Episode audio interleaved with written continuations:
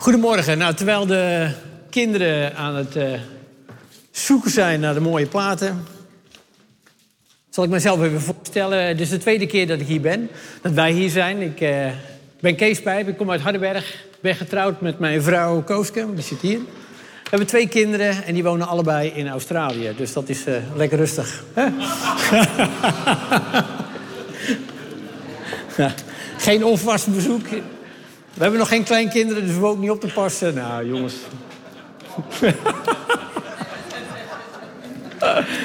en wij houden allebei wel van wat avonturen en van uitdagingen. En uh, ik weet nog wel, er was... Uh, uh, ik denk ergens in januari van dit jaar, toen zei mijn vrouw van... ik heb een hele leuke uitdaging voor jou. Ik denk, nou, laat me komen dan. Wat heb jij voor leuke uitdaging? Nou, ik ben een hardloper. Ik hou van hardlopen, niet van die snelle dingen allemaal. Ik ben geen sprinter, ik ben zo'n dieseltrein, weet je niet. Uh, maar ik hou wel van lange afstanden. Nou, zei mevrouw, ik heb een leuke uitdaging. En dat heet dan de Liberation Trail. Geen idee. Maar het was een soort herdenkingsrun um, uh, uh, over de Tweede Wereldoorlog. En ik zeg, waar begint hij dan? Nou, daar waar de geallieerden het land binnenkwamen. Wie weet dat? Wie weet waar ze binnenkwamen? Ik hoor van alles.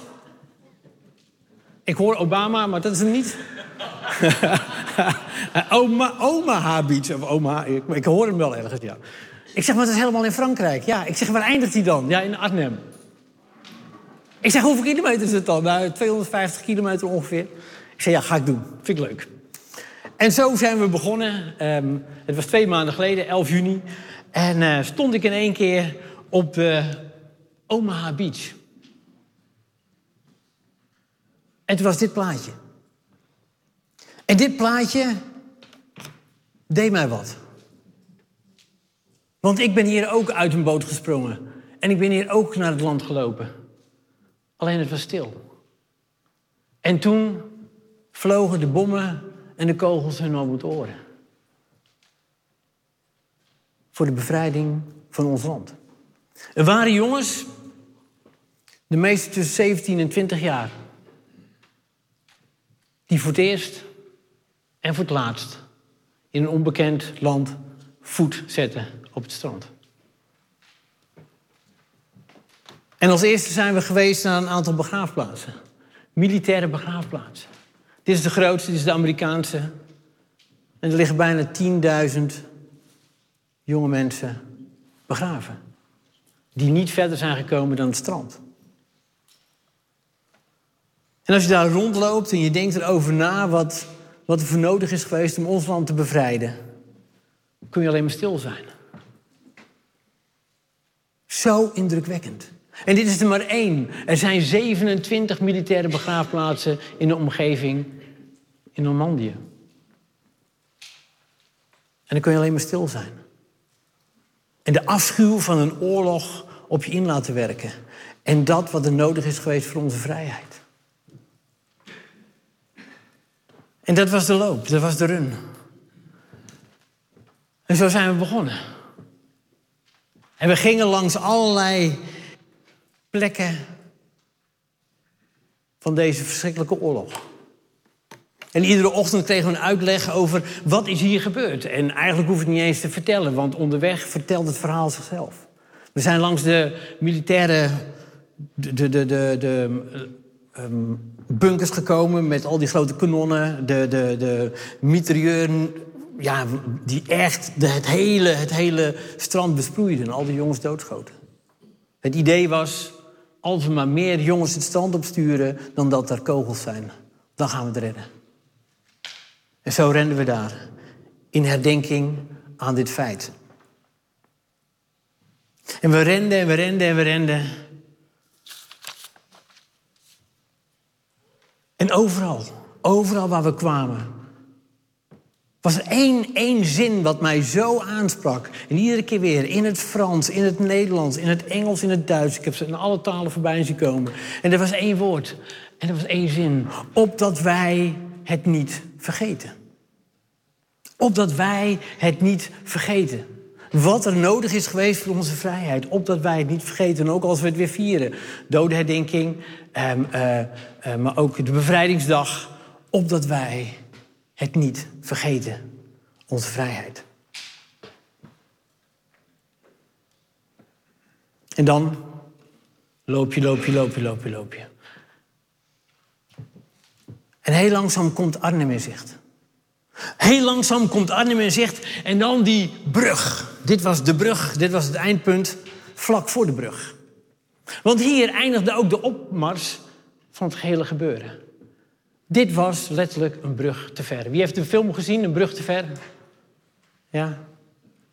Jongeren, gaan hem kijken, echt. Want dit was de brug te ver. Dit was de brug te ver, dit was de brug die ze nooit hebben in kunnen nemen. Hier stopte het eerst. En daar stopte ook onze reis.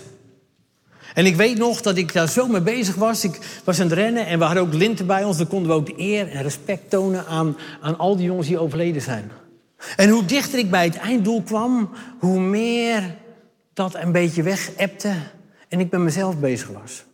Ik moest het overleven. Hoe, hoe komt dit lichaam ooit aan het eind? Hoe ga ik zoveel mogelijk kunnen eten? Want ik kan het helemaal niet afeten, joh. En, uh, en zo kwam die brug steeds dichterbij. En ik weet nog zo goed, het was de laatste verzorgingspost.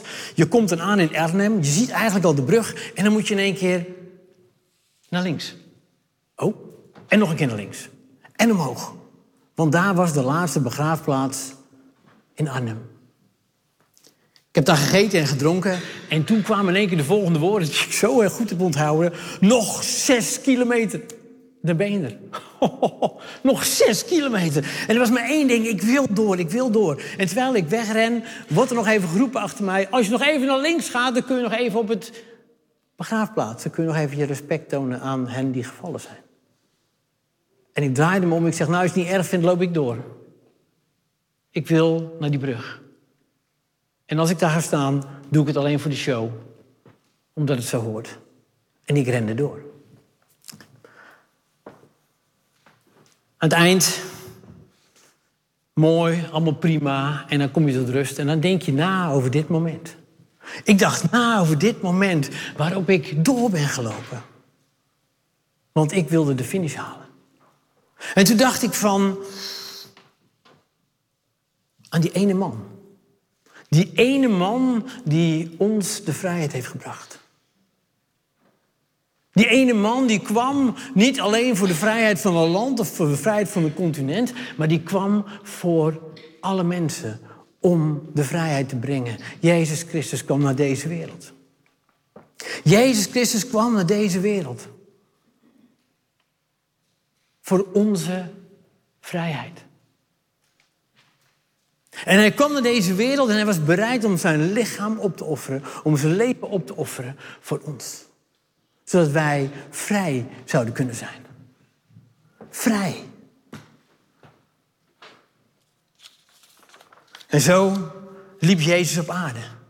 Zo liep hij op aarde richting de bevrijding, maar ook richting zijn dood. En Jezus kwam hier niet om ons te leren van hoe fout we wel niet waren. Jezus kwam niet met het zwaaiende vingertje. Nee, Jezus kwam omdat de God, zijn Vader, zoveel van ons hield. En we kennen dit vers wel, Johannes 3, vers 16. Want al zo lief heeft God de wereld gehad. Daarom kwam Hij. Daarom kwam Hij. Hij kwam omdat Hij ons lief had. En Hij kwam hier uit liefde om ons te redden. En dan vers 17, God heeft zijn zoon niet naar deze wereld gestuurd om de wereld te veroordelen. Maar om haar door hem, door Jezus Christus, van de ondergang te redden. En zo kwam Jezus. Hij was onschuldig.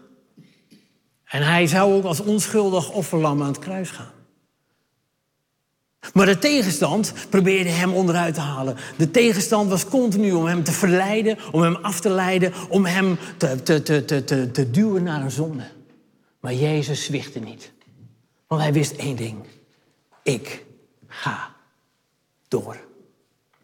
Want ik doe dit uit liefde voor de mens. En ik vind het zo indrukwekkend, want aan het eind werd hij gevangen genomen. Er werd geen zonde in hem, geen fout gezien. En toch ging hij aan het kruis. En moet je je voorstellen, hij kwam hier voor ons, hij kwam hier voor de mens. Hij werd door de mens gevangen genomen, werd door de mens veroordeeld. En toen hij op weg ging naar het kruis, waar hij voor de mens ging sterven. Moet je je voorstellen, voor de mens gaat sterven. En hij loopt daar met een kapotgeslagen rug. En hij loopt daar met het kruis. Tussen de mensen door die hij ging redden. En wat deden deze mensen? Ze spuugden. Ze scholden hem uit. En ze sloegen hem. Wie, wie zou door zijn gelopen en zeggen: Ik ga voor jou sterven? Maar Jezus deed het, omdat hij zoveel van ons hield. Terwijl wij hem bespuugden, bespotten en aan het kruis sloegen. En daar hing hij dan aan het kruis.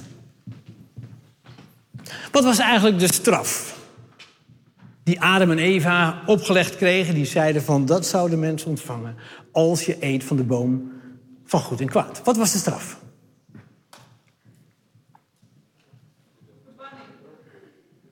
Verbanning. Wat nog meer? Wat zou er gebeuren als zij van de boom van het goed en kwaad zouden eten? Sterven. Moet je opletten wat er in de oude vertaling staat. Zo mooi is dat. Dat is de Statenvertaling. Ik zal het even voorlezen. Het is een beetje het oude Nederlands. Maar van den boom der kennis des goeds en des kwaads, daarvan zult gij niet eten, want ten dagen als gij daarvan eet, zult gij. Nee, staat er niet. Nog een keer. Zult gij de dood sterven? De dood sterven. Dat is twee keer doodgaan. De dood sterven. En dat zie je ook als Adam en Eva uh, daarvan gegeten hebben. Dan komt God en gelijk ziet God de zonde. En daar waar zonde is, kan God niet zijn. En er is gelijk een geestelijke muur. Er is een scheiding tussen God en de mens.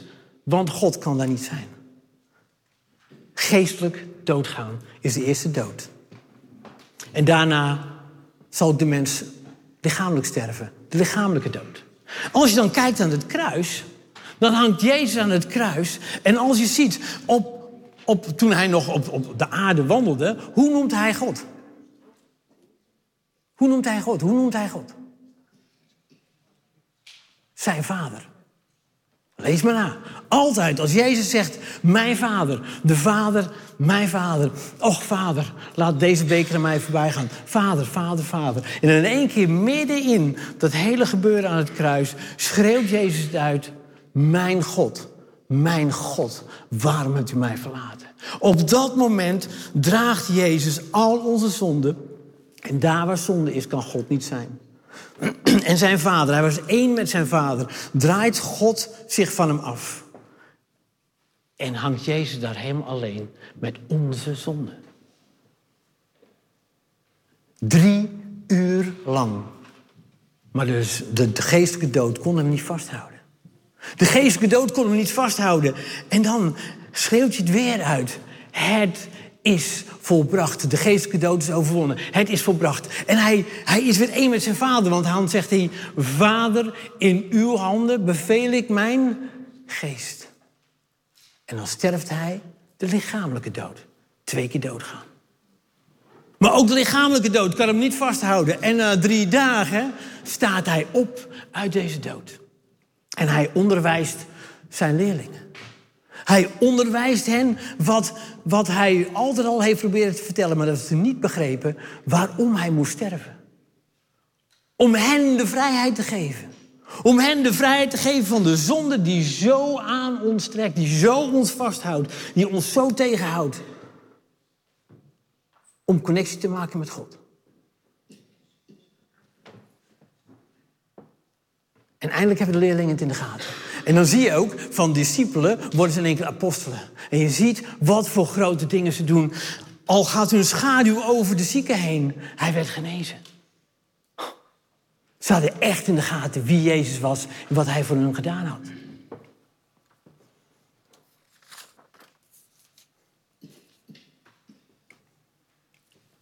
Als Jezus twee keer sterft. Voor ons. Wat ontvangen wij dan?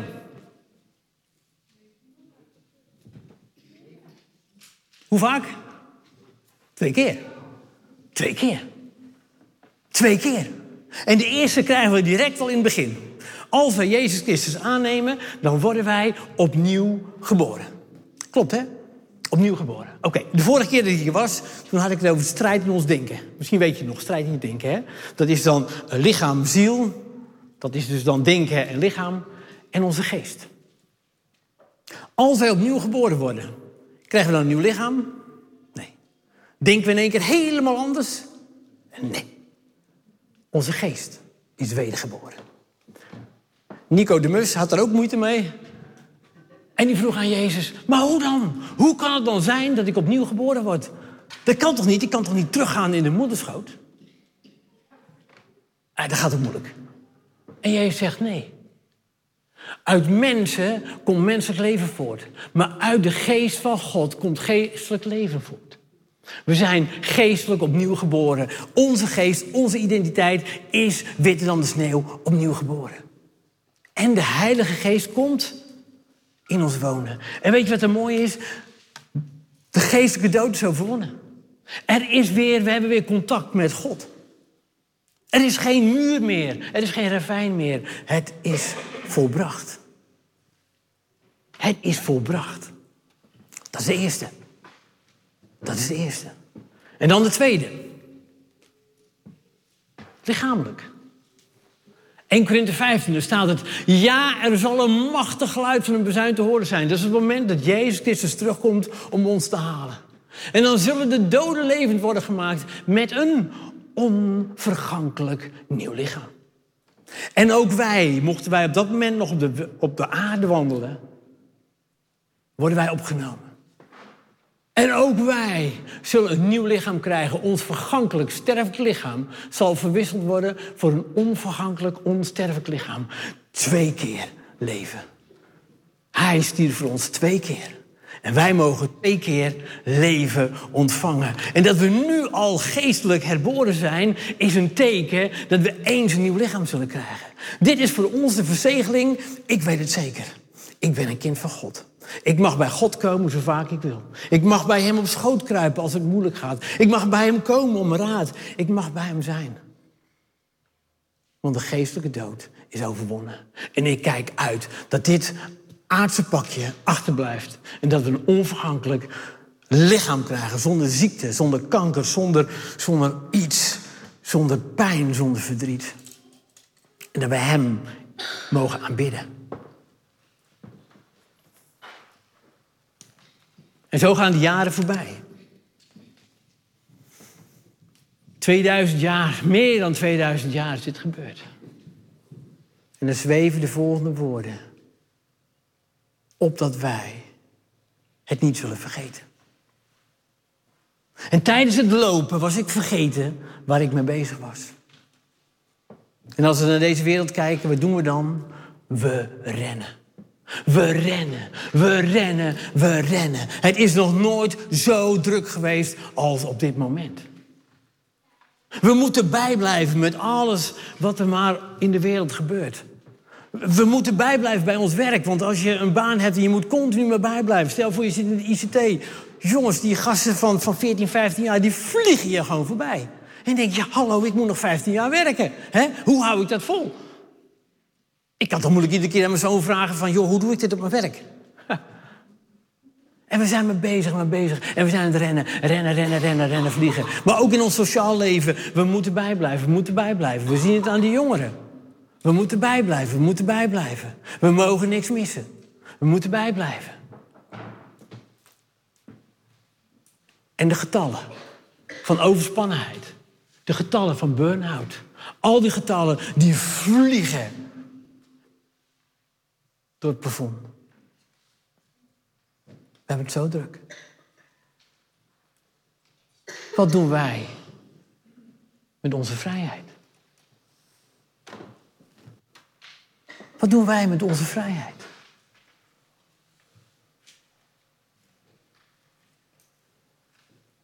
Kijk, het is zo makkelijk om te kijken van... ehm, als, je, als je de krant leest en alles op en eraan over onze jonge mensen. Het is zo makkelijk om met je vingertje klaar te staan. Ze drinken. Ze maken ruzie. Ze doen dit, ze doen dat, ze doen dat.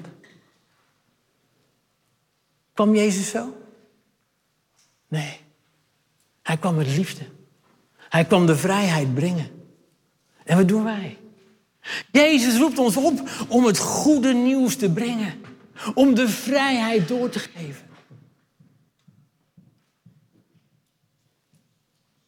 Om mensen te vertellen, mensen, er is vrijheid. Vrijheid in je denken. Er, is een, er is een, ligt een nieuw lichaam al voor je klaar. Er is een God die voor je zorgt. De vorige keer had ik het over strijd in je denken. Strijd om je denken. Want wat je denkt, dat doen we en dat zeggen wij. Dus degene die ons denken kan beïnvloeden, heeft ook invloed op datgene wat we zeggen en datgene wat we doen. En als je dan eens kijkt, gaan we eens gewoon eens even proberen te kijken hoeveel procent is daar van God. Op de dingen die we zien en die we horen. Het laatste lied, dat zongen we, juich voor de Heer. Laat heel ons denken gevuld zijn met Hem. Wie heeft dat gezongen? En wiens denken is volledig vervuld van Jezus.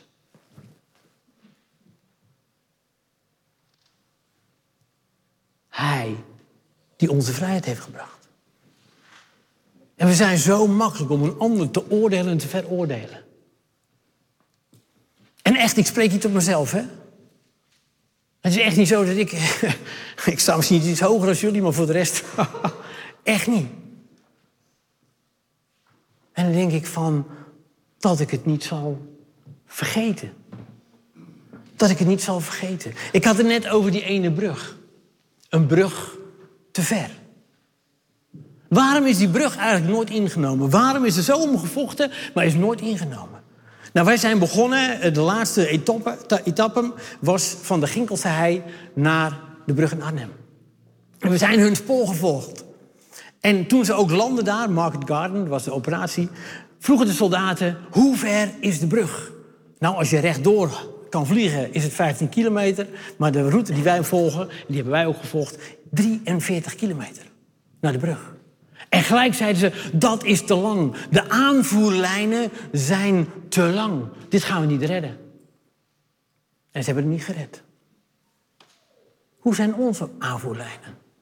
De aanvoerlijnen van God. Want als je kijkt ook in de Bijbel, Romeinen 10, vers 17, die zegt ook: Zo komt het geloof door het horen en het horen van het woord van Christus. Dat is ons geloof. En hoeveel horen wij nog van het woord van Christus? En zijn we bereid om te zeggen: Heer, ik stop even.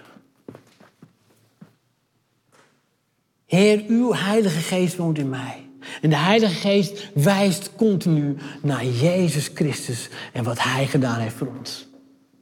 Zijn we bereid om ons te stoppen? Zijn we bereid om eens een keer onze telefoon weg te leggen? Zijn we bereid om te luisteren naar die stille stem? Niet die schreeuwende stem van buitenaf, maar die stille stem van binnen. Zijn we bereid om het woord van God te openen? En gewoon alles gewoon om ons heen te laten? Zijn we bereid om de vrijheid door te geven? Aan jonge mensen die vertwijfeld zijn. Aan mensen die een burn-out hebben. Die mensen niet meer weten waar ze heen moeten. Die angstig om hen heen kijken. Die kijken naar de oorlogen vlak bij ons in de buurt. Die jonge mensen die sterven. Zijn we bereid om bij God te gaan? En zeggen, Heer, de muur is weg, ik mag bij u komen. En waar twee of drie in mijn naam vergaderd zijn, zegt de Heer, ben ik in hun midden. God is hier. God is hier op dit moment. Zijn we bereid om bij hem te gaan zitten en zeggen, hier ben ik hier. Heer, hier ben ik mee bezig. Heer, dit is waar ik bang voor ben. Heer, dit is waar ik mee worstel. Heer, wilt u mij de woorden geven in mijn mond voor mensen die u niet kennen?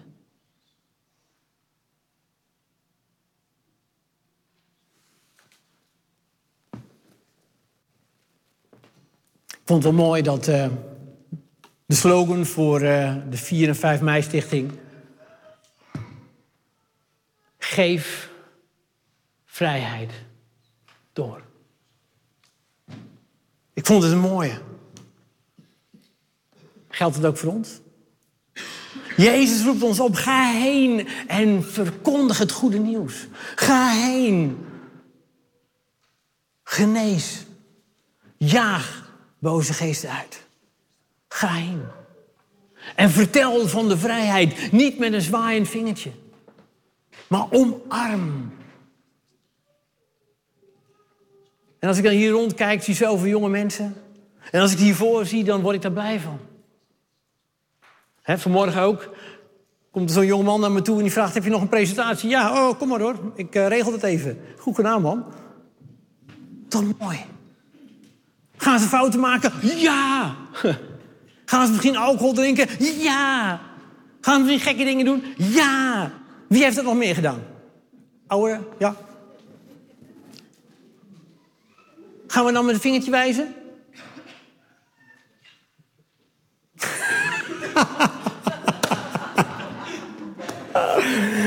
ja, misschien alleen maar omdat we van ze houden.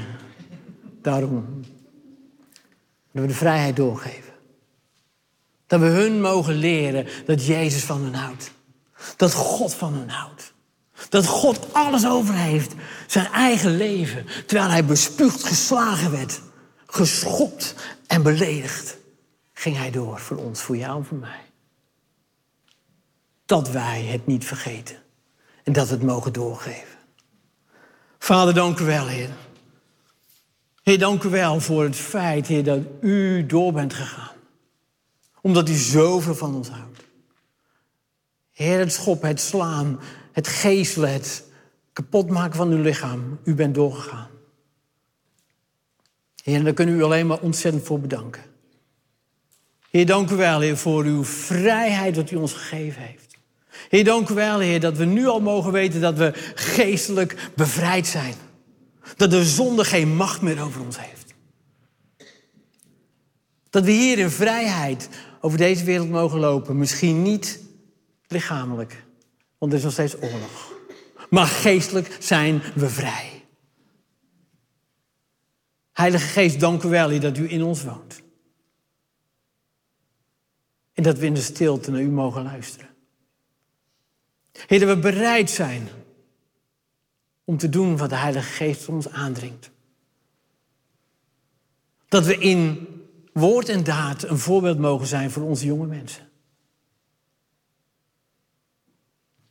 Dat we bereid zijn om die grote schat die in ons is, met anderen te delen.